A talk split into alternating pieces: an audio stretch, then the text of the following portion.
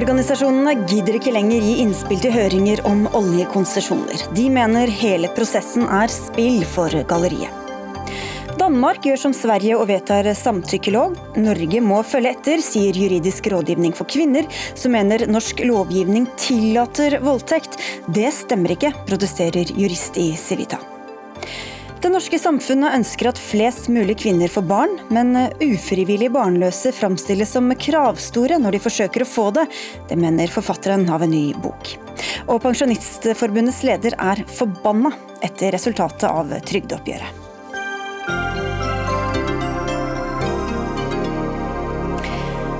Og det skal han, eh, får vi se, da, ta ut eh, over ansvarlig statsråd Torbjørn Røe Isaksen mot slutten av Dagsnytt 18, som i dag er ledet av Sigrid Solund.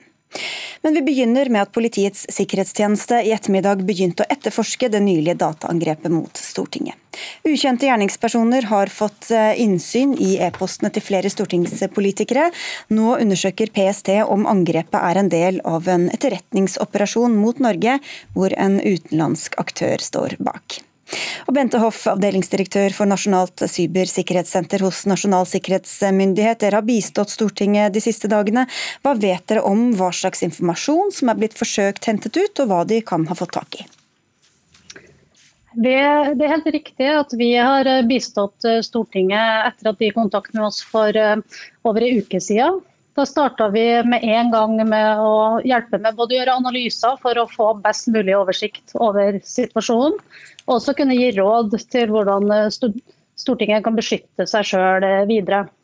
Utover det så er jo saken under etterforskning, sånn at eh, jeg kan ikke gå inn på eh, funn. Det får Stortinget og PST. ta. Men det er helt riktig at vi har bistått, og det gjør vi fortsatt. Hvor alvorlig ser dere på det som har skjedd? Stortinget er jo en svært viktig samfunnsfunksjon, og vi ser alvorlig på dataangrepet som har vært. Samtidig så er, opplever vi et stort eh, trykk med ulike dataangrep eller datainnbrudd hele tida. Vi har et døgnåpent senter der vi følger med på de alvorlige angrepene mot norske virksomheter og norske interesser. Og Vi ser et stort trykk, og det er mange hendelser. og Sånn sett så er vi ikke overraska. Mm. Og det er ikke du heller, Hanne Eggen Røiselin, forsker i Cyberforsvaret. Hvor vanlig er denne type angrep? Denne typen angrep ser man jo hele tiden, og det er egentlig derfor dette angrepet er eh, interessant. Altså, på en måte så er det nesten litt sånn overraskende at det bare er dette som får oppmerksomhet. og Det kan jo kanskje være fordi det nettopp bråker eh, Stortinget, men vi skal jo ikke langt tilbake før vi hadde et mot Hydro. Og Samtidig så skjer det jo eh, store og små angrep, jeg vil si egentlig hele tiden, mot enkeltindivider og mot store og små institusjoner. sånn dette er egentlig en virkelighet vi må venne oss til. Men hvor godt rustet er norske institusjoner overfor sånne angrep?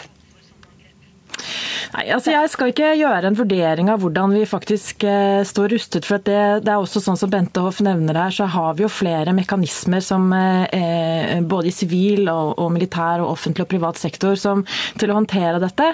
Men det som kanskje er mer bekymringsfullt, er effekten av dem på sivilsamfunnet vårt.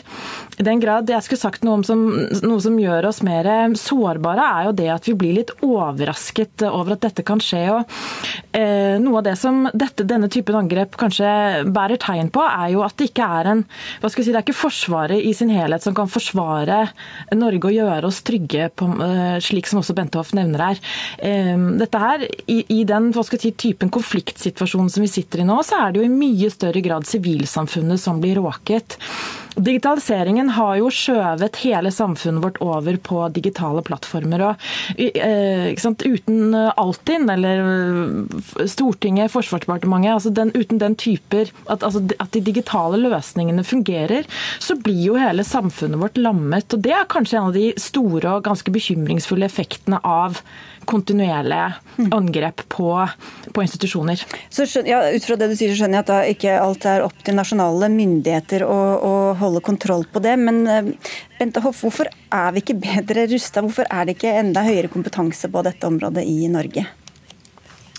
Ja, nei, først vil jeg jo si at uh, vi opplever at det er uh, økt. Uh, både innsats og bevissthet rundt det området her eh, i Norge, både på nasjonalt nivå og i virksomhetene. Og vi jobber jo med det her i ulike sektorer og på tvers av alle sektorene. Men ser, hele digitaliseringa har jo kommet raskt på oss og på norske virksomheter. Og det er klart at det, krever enda mer oppmerksomhet enn det har hatt. Men vi ser definitivt at eh, det har vært en positiv utvikling. Så sier du at du ikke vil si eh, foreløpig hva dere har funnet, men eh, Lars Gjesvik, vi kan jo spekulere litt. Du er stipendiat ved Forskningsgruppen for sikkerhet og forsvar ved Norsk utenrikspolitisk institutt. Vi hørte at PST etterforsker saken. For å sitere deres egne hjemmesider, håndterer de de aller mest alvorlige truslene mot landets sikkerhet. Betyr det at dette kan dreies om et politisk motivert angrep? Det er, det er, vanskelig å si noe sikkert fordi vi har så lite informasjon. Vi vet uh, både veldig lite om hvem som er rammet, hva som er tatt ut og hvem som står bak. Eh, likevel så er det denne typen angrep eh, ligner, kan sannsynligvis heller være politisk motivert enn en kriminelt motivert, eller at dette er guttestreker. det er jo også sånn at PST har vært var ute i sin trusselrapport for 2020 og advarte mot nettopp digitale angrep mot Stortinget. Så dette er nok noe man både uh, har vært klar over og på en måte venta på. Um, det er veldig vanskelig å spekulere i hva det politiske motivet kunne vært, uten å vite noe som helst om informasjonen som er tatt, eller hva de er ute etter. Men denne typen angrep hvor man går etter et parlament, er nok mer sannsynlig at det er en politisk motivert angrep. Og hvilke land eller hvilke grupperinger er det som kan ha interesse av å få den informasjonen som da kan ligge lagret i disse e-postene? Altså det er jo veldig mange land som vil være interessert i eh, kommunikasjonen som foregår innad i et storting. Um, og det er heller ikke noe informasjon som peker i egentlig noen som helst retning. Uh, hvis man igjen tar uh, trusselrapporten fra PST, da, så peker de særlig på Russland, Kina og Iran.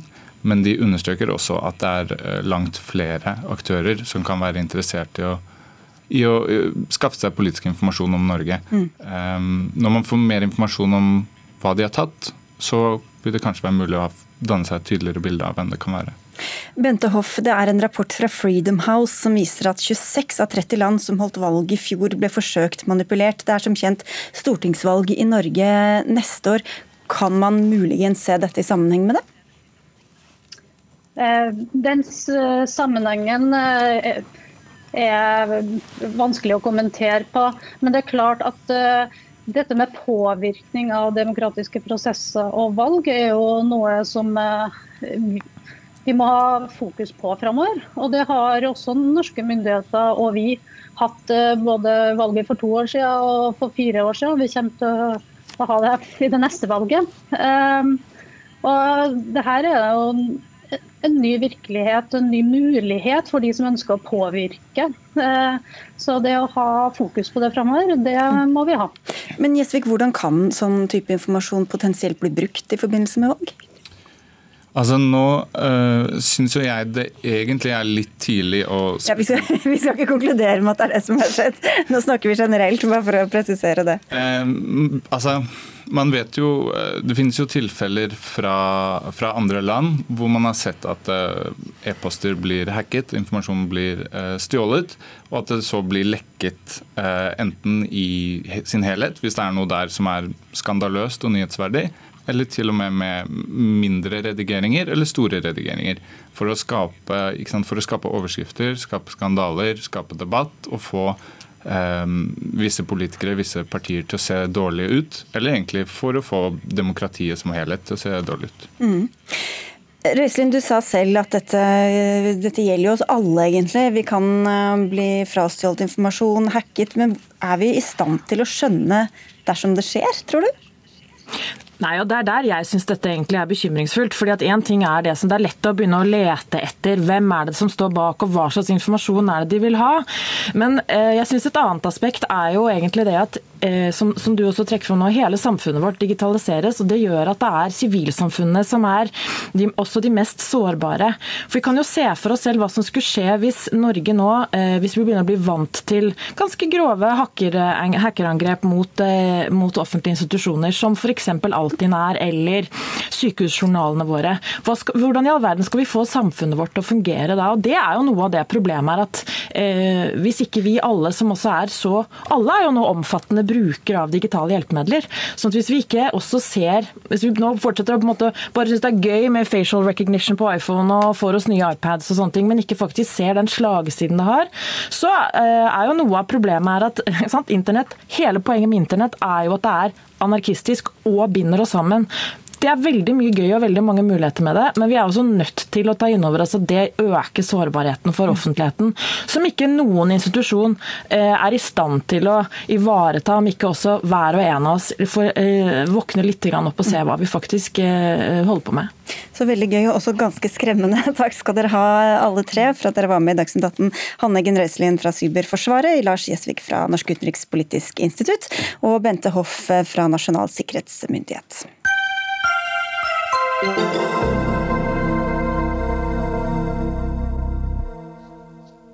første gang vil ikke miljøorganisasjonene gi faglige innspill til konsesjonene for olje- og gassutlysninger, skriver E24. Høringsfristen for 25. konsesjonsrunde gikk ut her forleden, men verken Greenpeace, Naturvernforbundet, Natur, Natur og Ungdom eller WWF ville gi innspill, og hvorfor ville dere ikke det, Silje Ask Lundberg, du er leder i Naturvernforbundet? Det er fordi de her høringsrundene har blitt et spill for galleriet. Og så er det viktig å understreke at det her handler ikke bare om at vi ikke blir lytta til, altså at man ikke følger opp det miljøorganisasjonene krever. Det sier seg på en måte sjøl at vi kommer til å ha en mer ambisiøs klima- og oljepolitikk enn til enhver tid sittende regjering.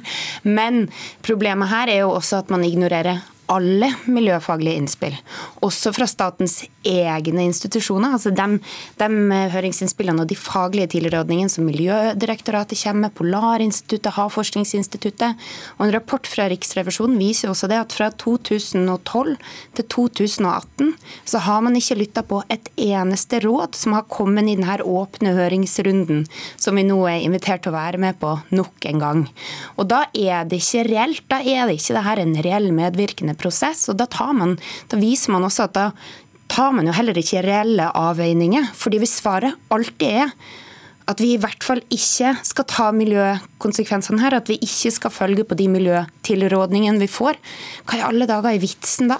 Og da Ved å være med på den prosessen, så er vi med på å legitimere den.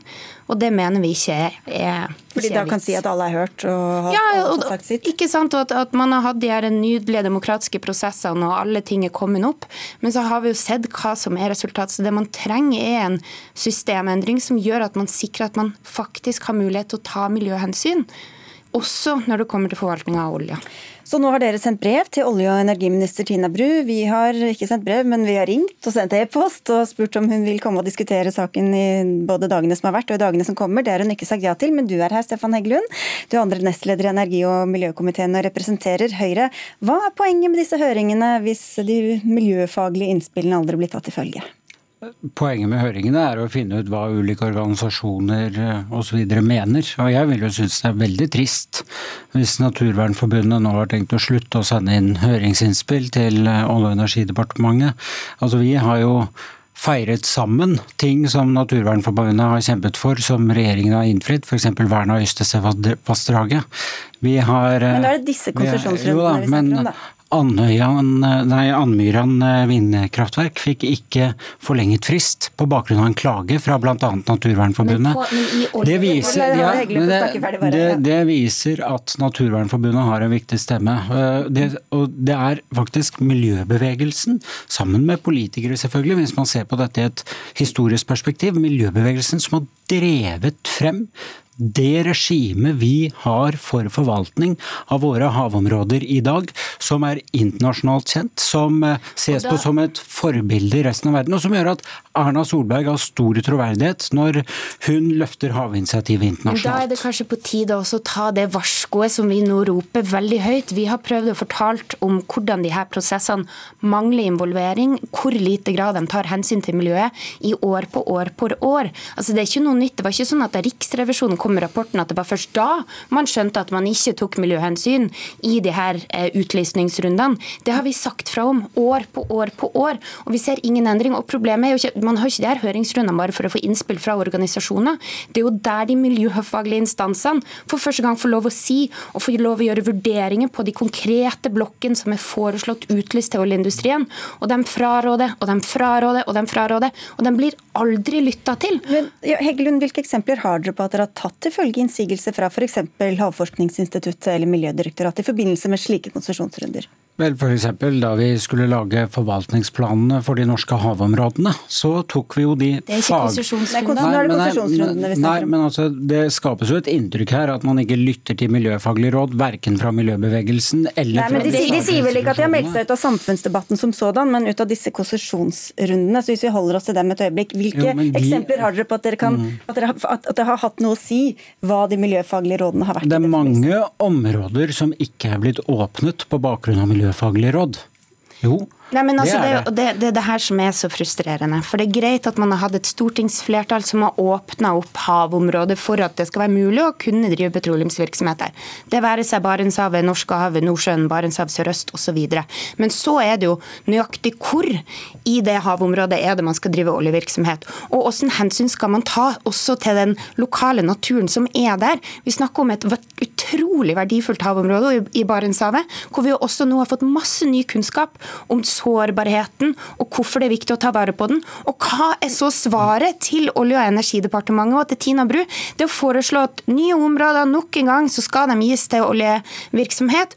Og så når vi har hatt de her rundene før, så har også alle de frarådningene kommet fra Miljø, Miljødirektoratet, Havforskningsinstituttet. Og Havforskningsinstituttet sier jo sjøl, også nå i sin egen høringsuttalelse, at det her konsesjonssystemet må endres. For det tar ikke hensyn til miljøet og til naturen vår. Og hvordan kan vi godta godta det. Nei, men altså, nå har vi en konsesjonsrunde, 25. konsesjonsrunde som kommer etter, og det var klart i Granavolden-erklæringa at den skulle komme etter at forvaltningsplanen for de norske havområdene hadde blitt eh, levert av regjeringen, behandlet av Stortinget. Der er det også selvfølgelig høringsrunder og alt sånt, som jeg var glad for at dere også deltok i. Det, er, det legger jo rammene for hvordan vi skal forvalte havområdene våre, også i disse konsesjonene. Det er ikke riktig at vi har åpnet nye områder. Vi har faktisk bare eh, tildelt areal i områder som allerede er åpnet. Ja, men som det, det har blitt fraråda. Det, har blitt fraråda og fraråda og fraråda. Hvis jeg prøver å snakke ferdig. Vi har strengere på grunn av bl.a. Miljøfaglig råd, så har vi strenge reguleringer både rundt Tromsøflaket, Eggakanten, Bjørnøya, ja, Mørebankene, Haltenbanken, okay, Remman, Iverryggen Har det skjedd i disse konsesjonene? Har dere fått informasjon i disse høringsrundene som har gjort at dere har endret på hvem som har, hvor, altså hvor det er blitt åpnet og hvem som har fått uh, konsesjoner? Altså det, det, er jo områder som har blitt åpnet hvor man ikke har fått konsesjon. Det er flere eksempler på det. Ja, men og det, det er så mange eksempler på at man, har, man får få faglige råd som sier fra våre fremste miljøeksperter i alle mulige altså det, det, er de, det, er de, det, er de flinkeste på området som sier ikke åpne det her området, ikke tildel denne lisensen til oljeindustrien, ikke tildel denne oljeblokka, ikke, ikke gjør det, ikke gjør den tilgjengelig. Men, og hva er svaret fra regjeringa? De gjør det. Lundberg, altså dere har et ulikt syn på, på, på, oljepolitikken, det er jo klart. Men, og, da vil politikeren, da vil Høyre og regjeringen si at vi veier forskjellige hensyn opp mot hverandre hverandre, miljøhensyn opp mot næringsinteresser. Absolutt. Og Hva er det som kommer av helt revolusjonerende informasjon i disse høringsrundene som ikke allerede er tatt med i den avveiningen fra regjeringa når de allerede har, har laget da, sin politikk på dette området? Og Det er ganske mye. for Det er jo derfor også man har de høringsrundene. Så Da kommer det f.eks. ny informasjon om hvordan sjøfuglen oppfører seg i Barentshavet. I hvordan områder som er viktige for den.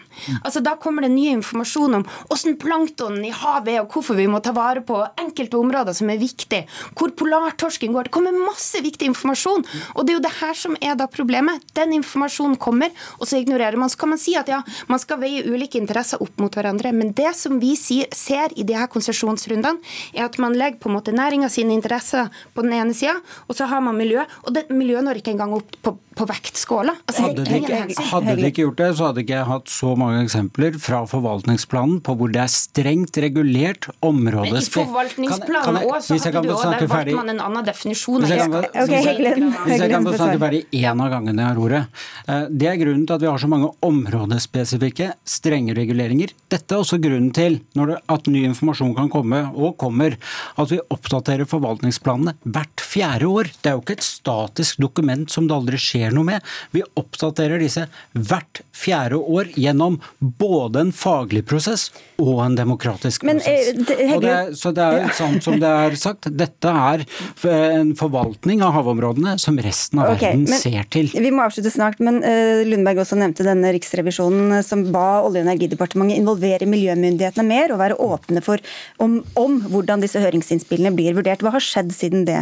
Nei, altså Det som var eh, konklusjonen der, var jo at man fulgte loven, uh, men at noen prosesser kunne bli bedre. Og slike prosesser er det selvfølgelig viktig å være gode på. Det er viktig hva de miljøfaglige Da må jeg spørre annerledes, Har det skjedd noe siden da? Uh, ja, vi forbedrer jo disse prosessene hele tiden. og det er viktig hva de miljøfaglige myndighetene mener, og det tar vi på alvor. og Derfor så leverte vi også en streng forvaltningsplan for de norske havområdene for ikke så lenge siden, hvor vi flyttet men, men, iskantgrensen iskantgrensen 56 000 kvadratkilometer sørover. Det er forskjell på konsesjonsrunder og forvaltningsplanene, og i tildelinga av åssen lisenser man tar, så tar man ikke miljøhensyn. Og det har man ikke gjort siden Solberg-regjeringa tiltrådte. Og det er det man må endre, og det må du sørge for, og så må du sørge for at Tina Bru faktisk men det er, men det er ingen automatikk i at når noe blir lyst ut til en konsesjonsrunde, at det blir tildeling i de områdene. Det... Altså det inntrykket du sitter og prøver å skape her, Dere... er direkte feil. Nei, det er helt riktig. Nei, det er det ikke.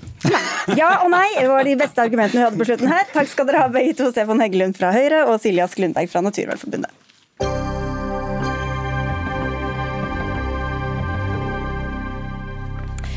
Nå gjør Danmark som Sverige og innfører en samtykkelov. Loven gjør det forbudt å ha sex med en person som ikke tydelig gir uttrykk for at de ønsker å ha sex. Etter at loven ble innført i Sverige, har tallet på voldtektsdommer økt med 75% I Norge har et forslag om en sånn lov blitt nedstemt to ganger.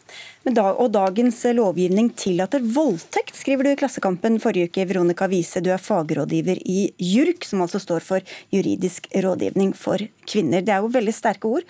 Hvordan mener du at, at den gjør det? Etter dagens rettstilstand faller sex uten samtykke utenfor straffeloven. Så har man sex med en som ikke har lyst til å ha sex med deg, så er det en straffri handling etter dagens rettstilstand. Hva må til da? Altså for å bli dømt etter dagens lov? Eh, etter dagens lov er det ulovlig å ha seksuell omgang med, ved bruk av makt eller truende atferd, eller med en som er bevisstløs eller ute av stand til å motsette seg handlingen. Men å ha sex med en som sier tydelig nei, for deretter å fortsette, faller altså utenfor dagens rettstilstand. Og så sier du at loven likevel den dekker det som trengs å dekkes. Torstein Ulsrød, du er jurist i eh, tenketanken Civita. Hvordan gjør den det når det ikke holder å si nei? Uh, ja, jeg har vel ikke sagt uh, så, så Det står i mine papirer, okay. så da må det være riktig. ja, Nei, du, skal si, du, skal få si, det. Men jeg har vært kritisk til det er riktig at jeg har vært kritisk til det å innføre en sånn uh, samtykkeregulering i straffeloven. Eh, og det, det, er ikke fordi at eh, noen er imot at man bør ha samtykke, eller at, at sex skal være frivillig. Det er, eh, er, rimelig ukontroversielt. Og det er bra med at vi snakker om dette, og at det er holdningskampanjer rundt det. Men det, innføre, det, med samtykke er et ganske sånn uklart vilkår strafferettslig, og det er vanskelig å se for seg hvordan man kan operasjonalisere det på en hensiktsmessig måte. og Det reiser en del rettssikkerhetsspørsmål, fordi det er viktig at straffelovgivningen eh, Eller at det er tydelig som, hvilke handlinger da, som er straffbare, og hvilke handlinger som ikke er det i, i straffelovgivningen. Vi skal komme litt tilbake til det, men vi skal dvele litt ved, ved loven sånn som den er i dag. Elsa Faleide, du er jusstudent, og du var med i Innafor-dokumentaren 'Sex eller overgrep' på NRK, hvor du opplevde at dagens lovgivning ikke strakk til da du anmeldte noen for voldtekt. Hva skjedde i ditt tilfelle? Ja, eh, jeg har jo, eller I mitt tilfelle så skjedde jo akkurat det som ble forklart. Jeg sa nei gjentatte ganger. Um, men vedkommende fortsatte likevel uh, og penetrerte meg til slutt. da.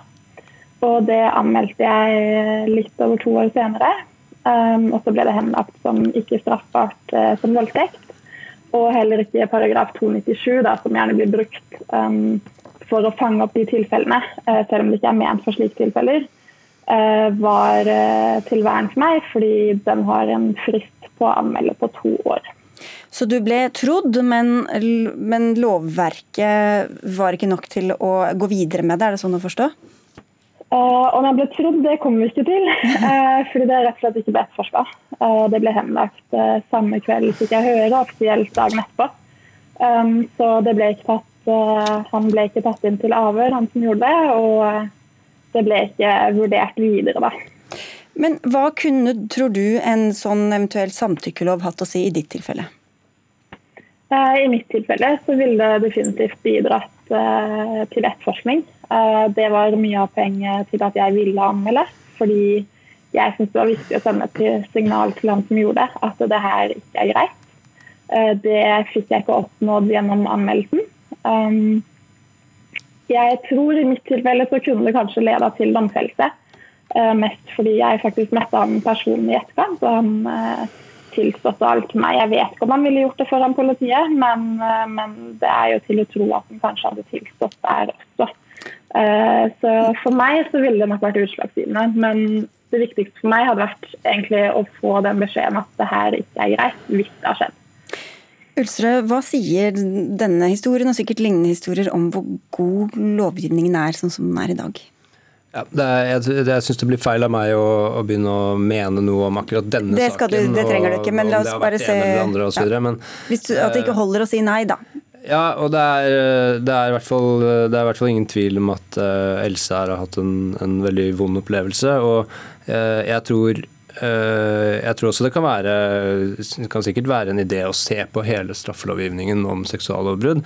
Men uh, dette med samtykke har i hvert fall vært utredet flere ganger. Og konklusjonen da har vært at, uh, fra Justisdepartementet annet, har vært at Eh, de problemene vi har i voldtektssaker, de handler om andre ting enn mangler ved lovgivningen. Først og fremst handler det om eh, at det er, bevismessig vanskelige saker.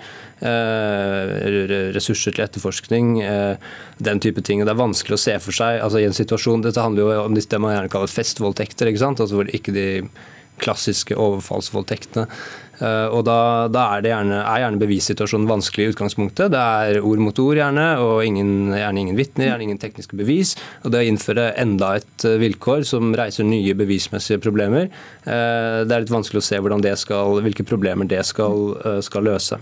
Ja, Vise, hvordan vet dere at dette handler om lovtekst, og ikke rett og slett om ressurser hos politiet og påtalemyndighet? Eh, akkurat eh, sex uten samtykke er jo per i dags dato ikke forbudt. Så her tror vi at lovteksten vil være avgjørende i, i et forebyggingsperspektiv.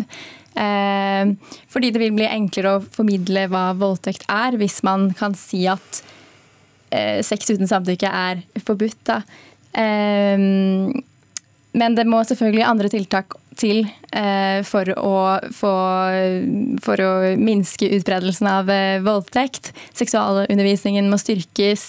Eh, man kan snakke om porno hvilken betydning det har for ungdom i dag. Men problemet her er at Elsa f.eks. blir møtt ikke blir tatt på alvor av politiet fordi hun blir møtt med en henleggelse når hun forteller om sin opplevelse av voldtekt, og at det ikke harmonerer med loven. Men Kan det være at de, bare, at de ikke leser loven riktig, da, sånn som den er i dag? Eh, høy, det finnes rettspraksis der eh, domstolen har kommet til at det var helt klart at kvinnen sa tydelig nei, og overgriper var klar over at hun sa nei og ikke hadde lyst, og likevel endte eh, dommen i en frifinnelse fordi det ikke ble ansett straffbart. Så det er helt klart at det finnes tilfeller som faller utenfor. Og jeg tror politikerne må spørre seg om de faktisk er uenig i at disse tilfellene er straffverdige nok. Ja, det, det, jeg tror du har rett i det at det, er, at, er, at det, finnes kanskje en sånn restkategori som man har snakket om i disse utredningene, som ikke fanges opp i og med at eh, og som, et, og som i teorien et sånt eh, vilkår om positivt samtykke kunne fange opp. Men det Du, du touchet også inn på er liksom en, en, en, diskusjon om, hva, om, hva, om selve voldtektsbegrepet. ikke sant? Og, hva, og Det er en interessant diskusjon om hva som kanskje bør ligge litt i bunnen her før man, før man går videre om disse spørsmålene. Hva, og diskutere litt nærmere hva, en voldtekt, hvordan vi skal definere en voldtekt. da. Det er klart Vi har, vi har utvidet voldtektsbegrepet i flere eh, omganger tidligere med vakt som voldtekt bl.a. annet og samtidig som vi har utvidet straffenivået for å hevet minstestraffen for voldtekt til som nå er tre års fengsel. Og det er klart at Jeg, jeg syns det kan være betenkelig hvis man fortsetter den utviklingen, Når man på den ene siden både utvider voldtektsbegrepet og opprettholder eller kanskje øker straffenivået. Da ender man på et eller annet tidspunkt opp med Eh, med resultater som kan bli ganske urimelige. Da. Men det er en veldig interessant diskusjon. altså At folk blir dømt eh, i, i, situasjoner hvor du ville tenkt at, at her er det ikke nødvendigvis voldtekt, eller?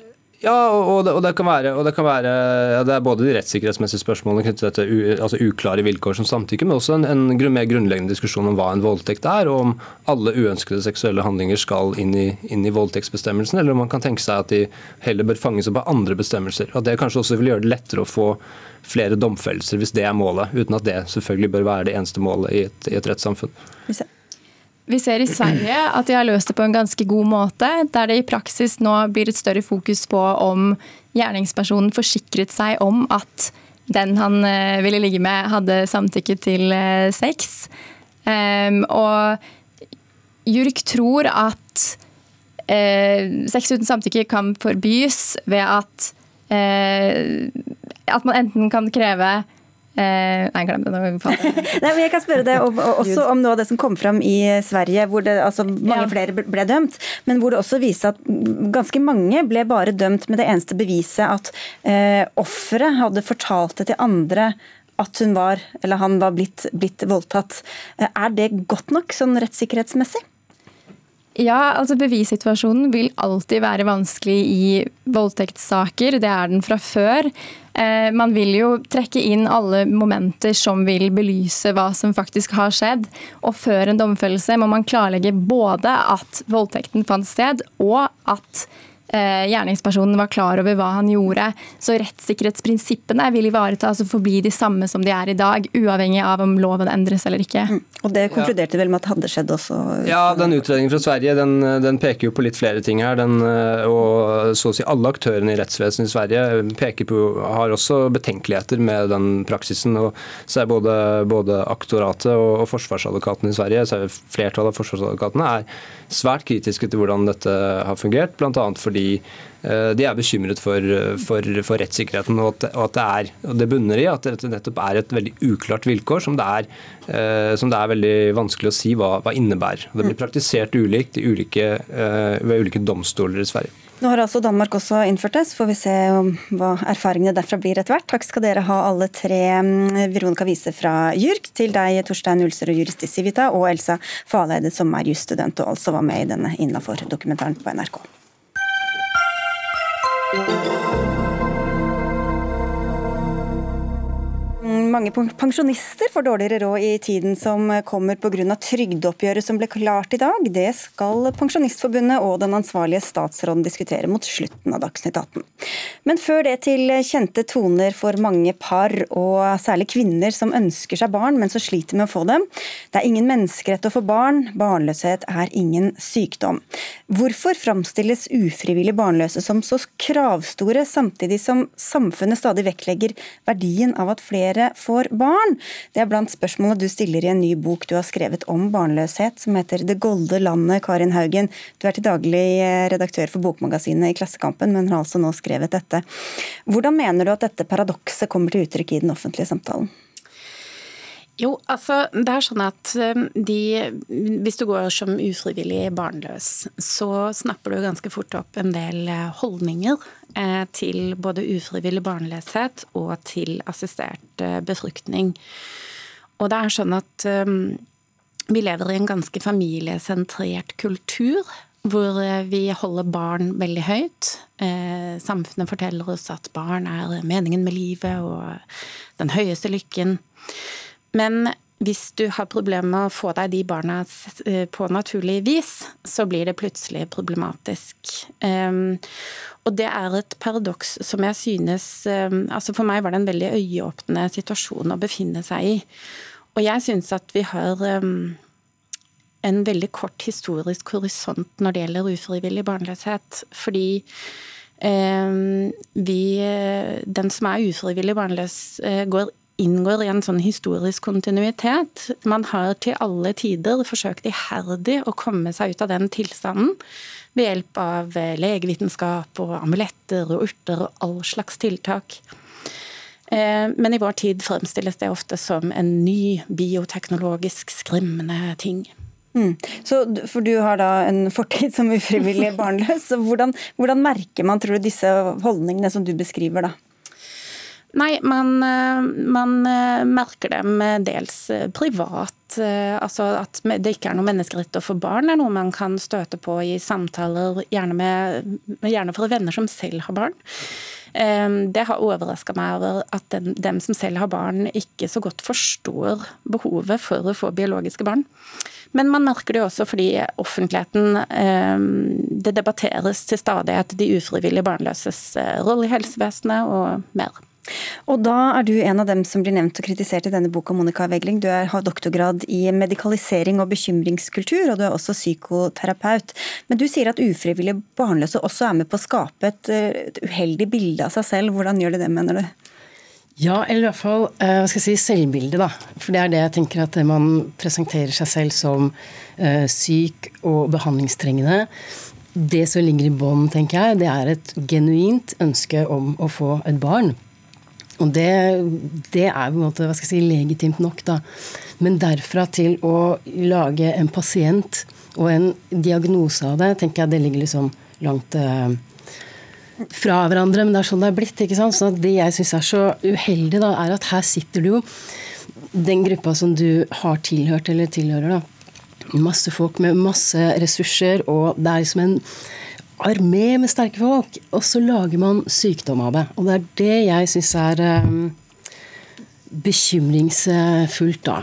Ja, fordi Ofte så kommer jo dette argumentet om at uh, inn i den prioriteringsdebatten, hvem skal prioriteres i et pressa helsevesen, men det er ikke der du, det er ikke det som du først og fremst er bekymra for. Hva tror du kan være konsekvensen av det du mener er en sånn sykeliggjøring eller pasientifisering av, av dette temaet? Ja, det er hele kulturen. At uh, som det blir, jeg syns jeg ser mer og mer av det, at du er syk inntil det motsatte er bevisst. Og det ser vi at f.eks. disse hva si, armeene av friske mennesker som oppsøker uh, helsetjenesten på ulike måter, da. Litt karikert akkurat det, men at man skal undersøkes for potensiell sykdom. Og det man egentlig undersøker, er jo for uh, risiko ofte. Bare, ikke sant? Og så er det det med den pasientidentiteten som man får som eh, som frisk eh, syk på et vis, den kan ofte være hemmende. Og det er det jeg er ute etter her. Hvor, hvor klokt er det å lage seg til pasient når man strengt tatt er frisk? Og det er klart, det kan vi diskutere. For det vi kan jo diskutere det. Haugen, kan du svare ja, med en gang? Det kan vi. Fordi eh, altså Først er barnløshet en sykdom. Her er det veldig viktig å være presis, for det er en sammensatt gruppe, og forbindelsen mellom helse og infertilitet er ikke direkte men det kan skyldes sykdom. Og eh, Du kan være frisk og likevel ikke klare å reprodusere det, men det kan skyldes sykdom at ikke du klarer det. Eh, og det er jo veldig underlig hvis helsebegrepet ikke skal inkludere dette ene organet, livmoren. Og så er det sånn at å sykeliggjøre seg og ha en pasientidentitet, det er jo bare et livsvilkår for enkelte mennesker, da at hvis du vil ha barn og ikke klarer det, så må du oppsøke et sykehus. Det betyr jo ikke at din identitet er som syk eller som pasient.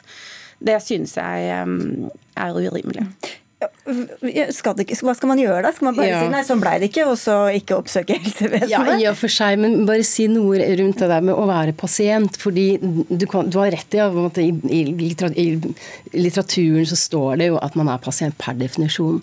Men det som skjer når vi lar infertile få en pasientstatus, så er det to eh, Det har to sider. da. Det ene er på, på mm, samfunnsplanet sånn overordna. At vi får en kultur der du er syk inntil det motsatte er bevist. Det er helt OK å være, eh, være altså, Terskelen for å skulle få behandling blir lavere og lavere.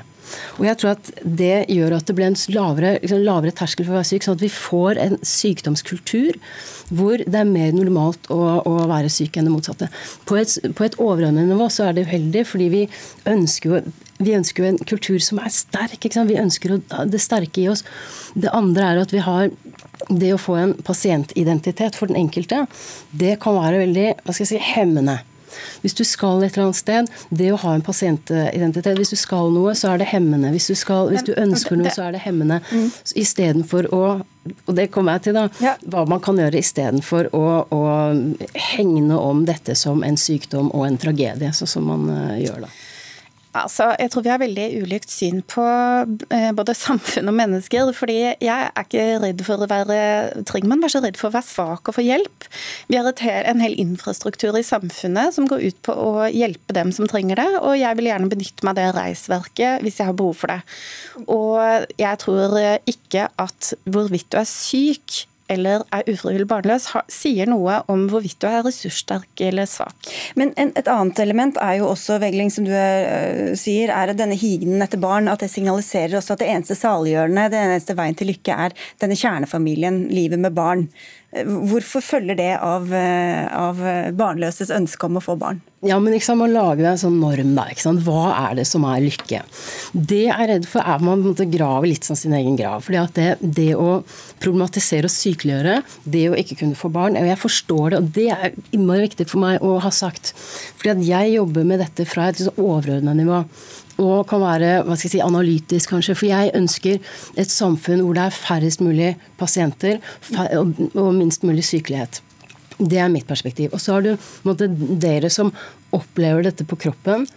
Og det er så viktig for meg, bare for å ha sagt det. Ja, da, vi, må, vi går litt tom for tid. Og anerkjenne det, det, det. er så viktig å anerkjenne det. Mm. Og det snakker om er livskvalitet. For hvis man kan se at det er andre verdier i livet enn å få barn. Men De verdiene kan du holde på, mens eh, de, de ufrivillige barnløse skal ikke pålegges å følge dine verdier. Hvis man ønsker seg et barn, så er det sånn at vi har et offentlig helsevesen i Norge.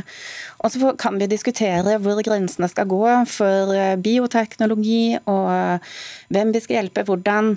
Men vi har et offentlig helsevesen, vi har en velferdsstat. Og det at vi skal hjelpe mennesker til å få barn, det er en eh, fin ting. Hvorfor blir det vanskeligere å være, å være frivillig barnløs fordi, at, fordi, om de ufrivillig barnløse får hjelp til å få barn? Ja, altså jeg, er, jeg er frivillig barnløs, og jeg er fornøyd med det. ikke sant? Men det jeg opplever, er jo at du kommer inn Fordi det er tabubelagt, det kan vi være enige om. ikke sant? Så kommer jeg inn i et rom, og det er tabubelagt å være eh, eh barn, ufrivillig barnløs. da. Og da tør jo ikke folk å ta i meg. Så da vil jo ikke folk spørre hvorfor har du ikke barn? Så når jeg kommer inn, så jeg, blir jeg møtt av det samme. Jeg setter lite pris på det. Så hvis vi har hatt en kultur, og det er det jeg er ute etter når man ikke sykeliggjør noe som i prinsippet ikke er sykt, men, men det, gjør noe det vi, fordi det vi Og det en annen ting, bare for, ja, fordi vi, bare, ja, Finn punktum, da. Ja. ja. fordi det vi behandler her, det er jo ikke Vi behandler sorgen over ikke å få barn. Det gjør vi ikke. Og, man kommer ikke til helsevesenet med sin sorg, man kommer til helsevesenet fordi organene ikke klarer å få frem et barn. Og det å forsøke å få et barn, det kaller man å reprodusere seg, det kaller man ikke å sykeliggjøre seg. Nei, men dette handler jo om Og, og, og jeg, jeg bare til slutt. Eh, jeg mener at det, dette, det handler jo ikke om barna, det handler om oss. Og det er vi som kan skape vår egen friske kultur hvis vi gjør det, og ikke se på naturlige eh, situasjoner som eh, behandlings... Jeg, jeg, ser du er veldig uenig fortsatt, Karin Haugen, men du får lese boka di. Vi kommer ikke til bunns. det gjør vi aldri. Takk skal okay. dere ha, begge to i hvert fall. Monica Wegling og Karin Haugen. Hør Dagsnytt 18 når du vil. Radio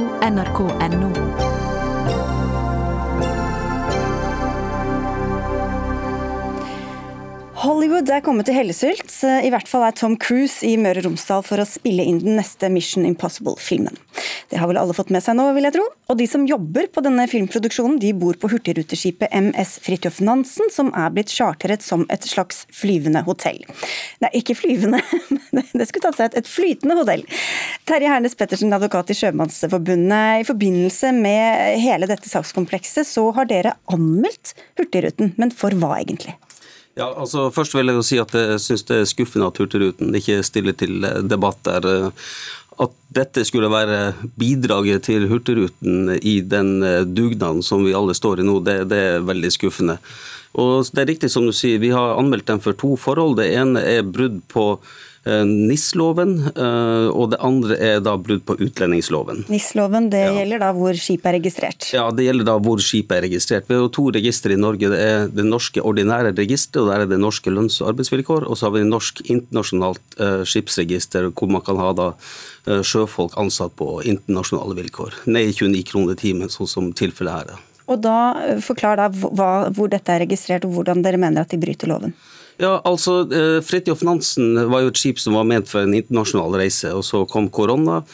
Og Så har de da omdisponert skipet og lagt det kun til å være internt i Norge, altså i, i Hellesylt. Og Det er det som er i strid med NIS-loven. fordi når, når, loven kom, så, så, var jo loven lagt opp slik at NIS-fartøy skulle ikke kunne være i Norge, for da ville de konkurrere da mot Nordregisteret, der vi f.eks. har fergen registrert, og de hurtigruteskipene som går Bergen-Kirkenes med norske vilkår. Så man skulle ikke ha den konkurransen mot de.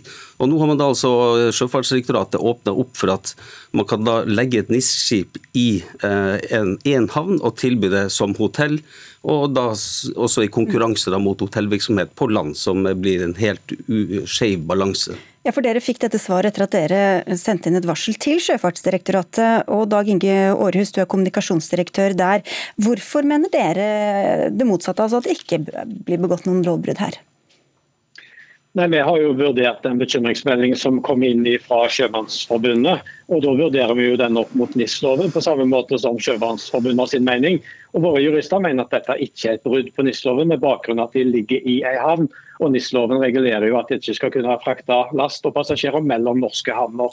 Eh, og så ser vi jo at Dette er en sak som skaper mye diskusjon, og det har vi forståelse for. Men vår vurdering når vi fikk denne bekymringsmeldingen, som vi også tok på alvor fra forbundet, var at dette er ikke i strid med NIS-loven.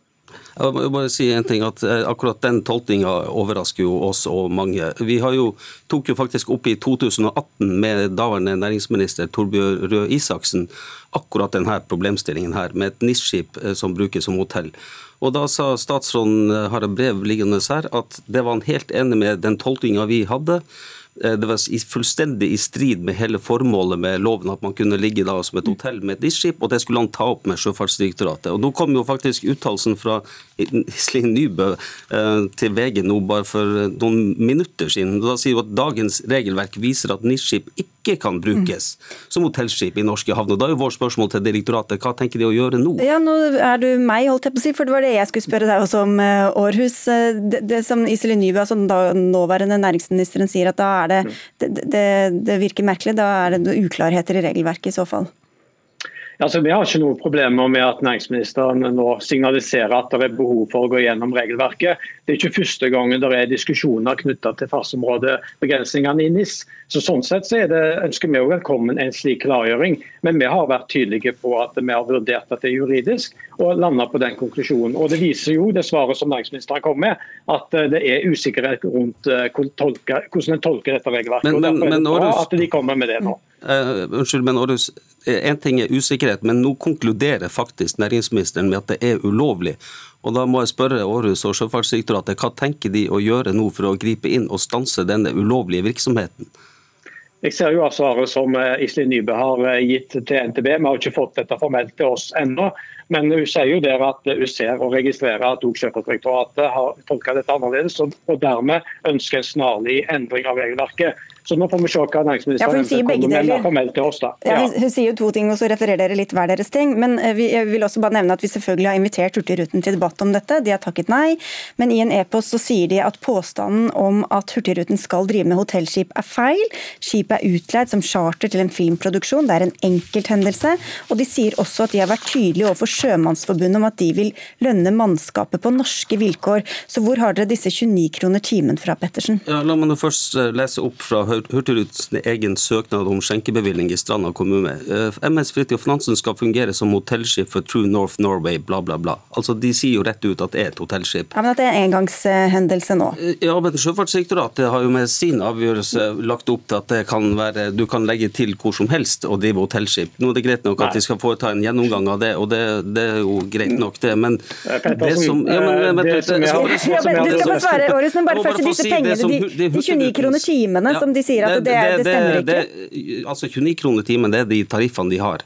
Ja, Men de sier at de skal bli lønnet etter norske vilkår? Ja, men da er jo spørsmålet De, de gikk jo inn og ville ha en, en forhandling med oss på torsdag, for, for forrige torsdag og ville drøfte norske vilkår. Da sa vi til Hurtigruten følgende at vi kan jo ikke gå inn i en debatt og forhandle på grunnlag av to lovbrudd. Altså, De bryter utlendingsloven og de bryter NIS-loven. Og Vi sa vi kan ikke gå inn i forhandlinger på ulovlig grunnlag. Tvert imot kommer vi til å melde det her fra til Sjøfartsdirektoratet og politiet, og det har vi jo nå gjort. Da skal du få avslutte, Århus. Nei, altså, Vi har ikke åpna for noe generell dispensasjon for hvordan skipene skal bruke. Dette var en konkret sak, og vi har vurdert denne enkeltsaken. Vi var også i dialog med Hurtigruten for å vite mer hva dette oppdraget gikk ut på før vi kom med vår konklusjon. Så at det Pettersen her sier om at vi har åpnet opp for at nå kan vi drive hotellvirksomhet langs kysten, det er en feilaktig påstand. Ja, Det er ikke riktig, for det er akkurat det dere har gjort. Vi får se, det kan jo komme etterspill her. De skal jo ligge her en uh, stund, uh, dette, dette, skipet. Og så har jo Hurtigruten en stående invitasjon til Dagsnytt 18. Vi får si takk for at dere takket ja begge to. Dag Inge Aarhus fra Sjøfartsdirektoratet og til deg Terje Hernes Pettersen, advokat i Sjømannsforbundet.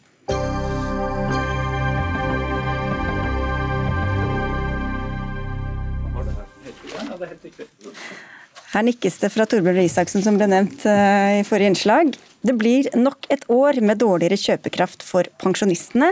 Det er klart etter at årets trygdeoppgjør ble lagt fram i dag. Dermed er det femte gang i løpet av de seks siste årene at pensjonistene sakker akterut. Grunnen er regelen som Stortinget innførte i forbindelse med pensjonsreformen i 2011. Den sier at pensjonen skal reguleres i takt med lønnsveksten minus 0,75 prosentpoeng. Leder i Pensjonistforbundet Jan Davidsen, du har sagt at du er forbanna etter trygdeoppgjøret i år, og nekter å skrive under på avtalen. Men hva er det som gjør deg så sint, når det rett og slett bare er systemet som er sånn? Jo, det er fordi at eh, systemet innebærer da at vi ikke følger Stortingets intensjoner, nemlig at eh, pensjonen skal eh, reguleres over prisutviklingen. Og Nå er det da femte året av de seks siste at vi opplever dette. Og Nå har vi vært fortvilet, irritert og alt annet, men nå begynner vi å bli forbanna, for dette går an å gjøre noe med. Man har hatt et år siden sist og visst om det, gjerne både egne prognoser og alt, men ingenting har skjedd. Og så får vi en ny runde på dette viset. Mm. Arbeids- og sosialminister nå, da, Torbjørn Røe Isaksen. Hvor rettferdig er det at pensjonistene skal tape nesten hvert år?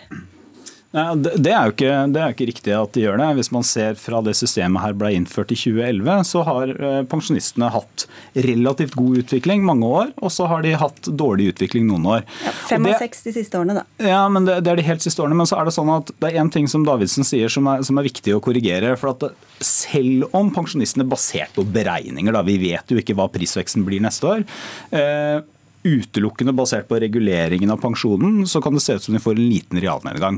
Men det er jo ikke det som utgjør hele pensjonistenes økonomi. Hvis man ser i år f.eks., i 2020, så var det sånn at etter eh, statsbudsjettet og de skattelettene som lå inne der, så fikk alle pensjons pensjonsgrupper og pensjonistgrupper realkjøpekraftsøkning.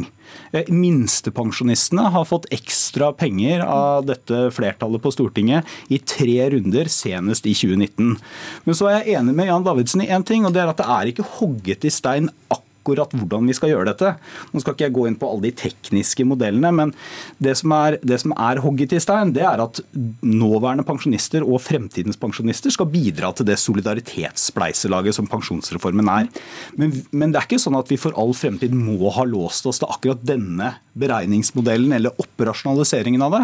Og Vi har satt ned, som, som Davidsen også vet, et pensjonsutvalg som har fått i jobb å se på kan dette gjøres på en litt annen måte.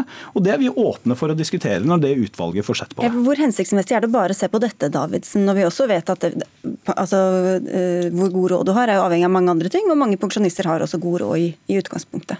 Jo men Skattepolitikken gjelder jo ikke bare pensjonistene. Skattepolitikken gjelder eh, generelt alle som er i en skatteposisjon. Minstepensjonistene f.eks. ikke skatteposisjon.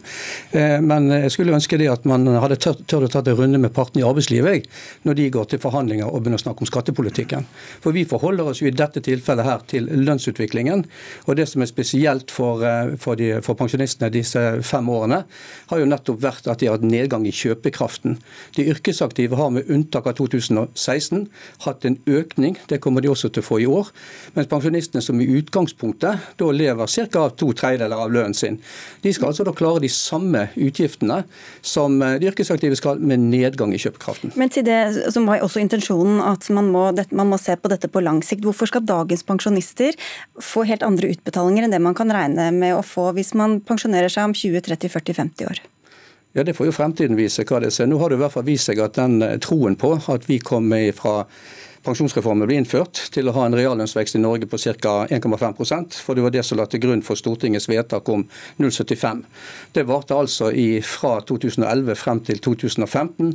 Da var plutselig rammen for oppgjøret så lav at den reguleringsregimen gjorde at du både brøt med Stortingets intensjon om å få reallønnskjøpekraft. Og der, har, der, er jeg i, i, hvert fall litt enig med det Davidsen sier. for det er klart at uh, må, altså Det som ligger fast igjen, det er at pensjonistene, også fremtidens pensjonister, kommer til å bære litt av den byrden, eller solidaritetsbyrden, som er i pensjonsreformen.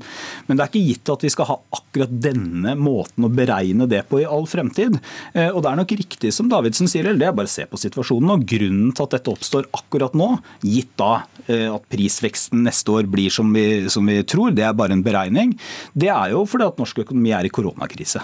Eh, og så har det vært tidligere år hvor også lønnsoppgjørene har vært moderate fordi vi har ansvarlige parter.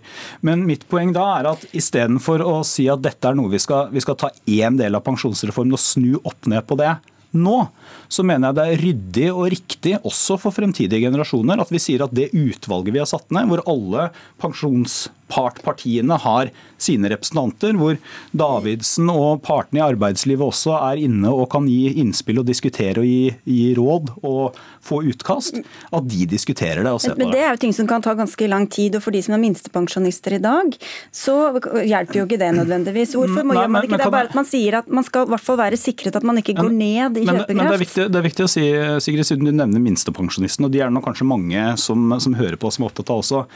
Vi har det flertallet her, og også da Høyre og Frp var i regjering, gikk ekstraordinære løft til minstepensjonistene flere ganger. Senest i 2019 4000 kroner ekstra.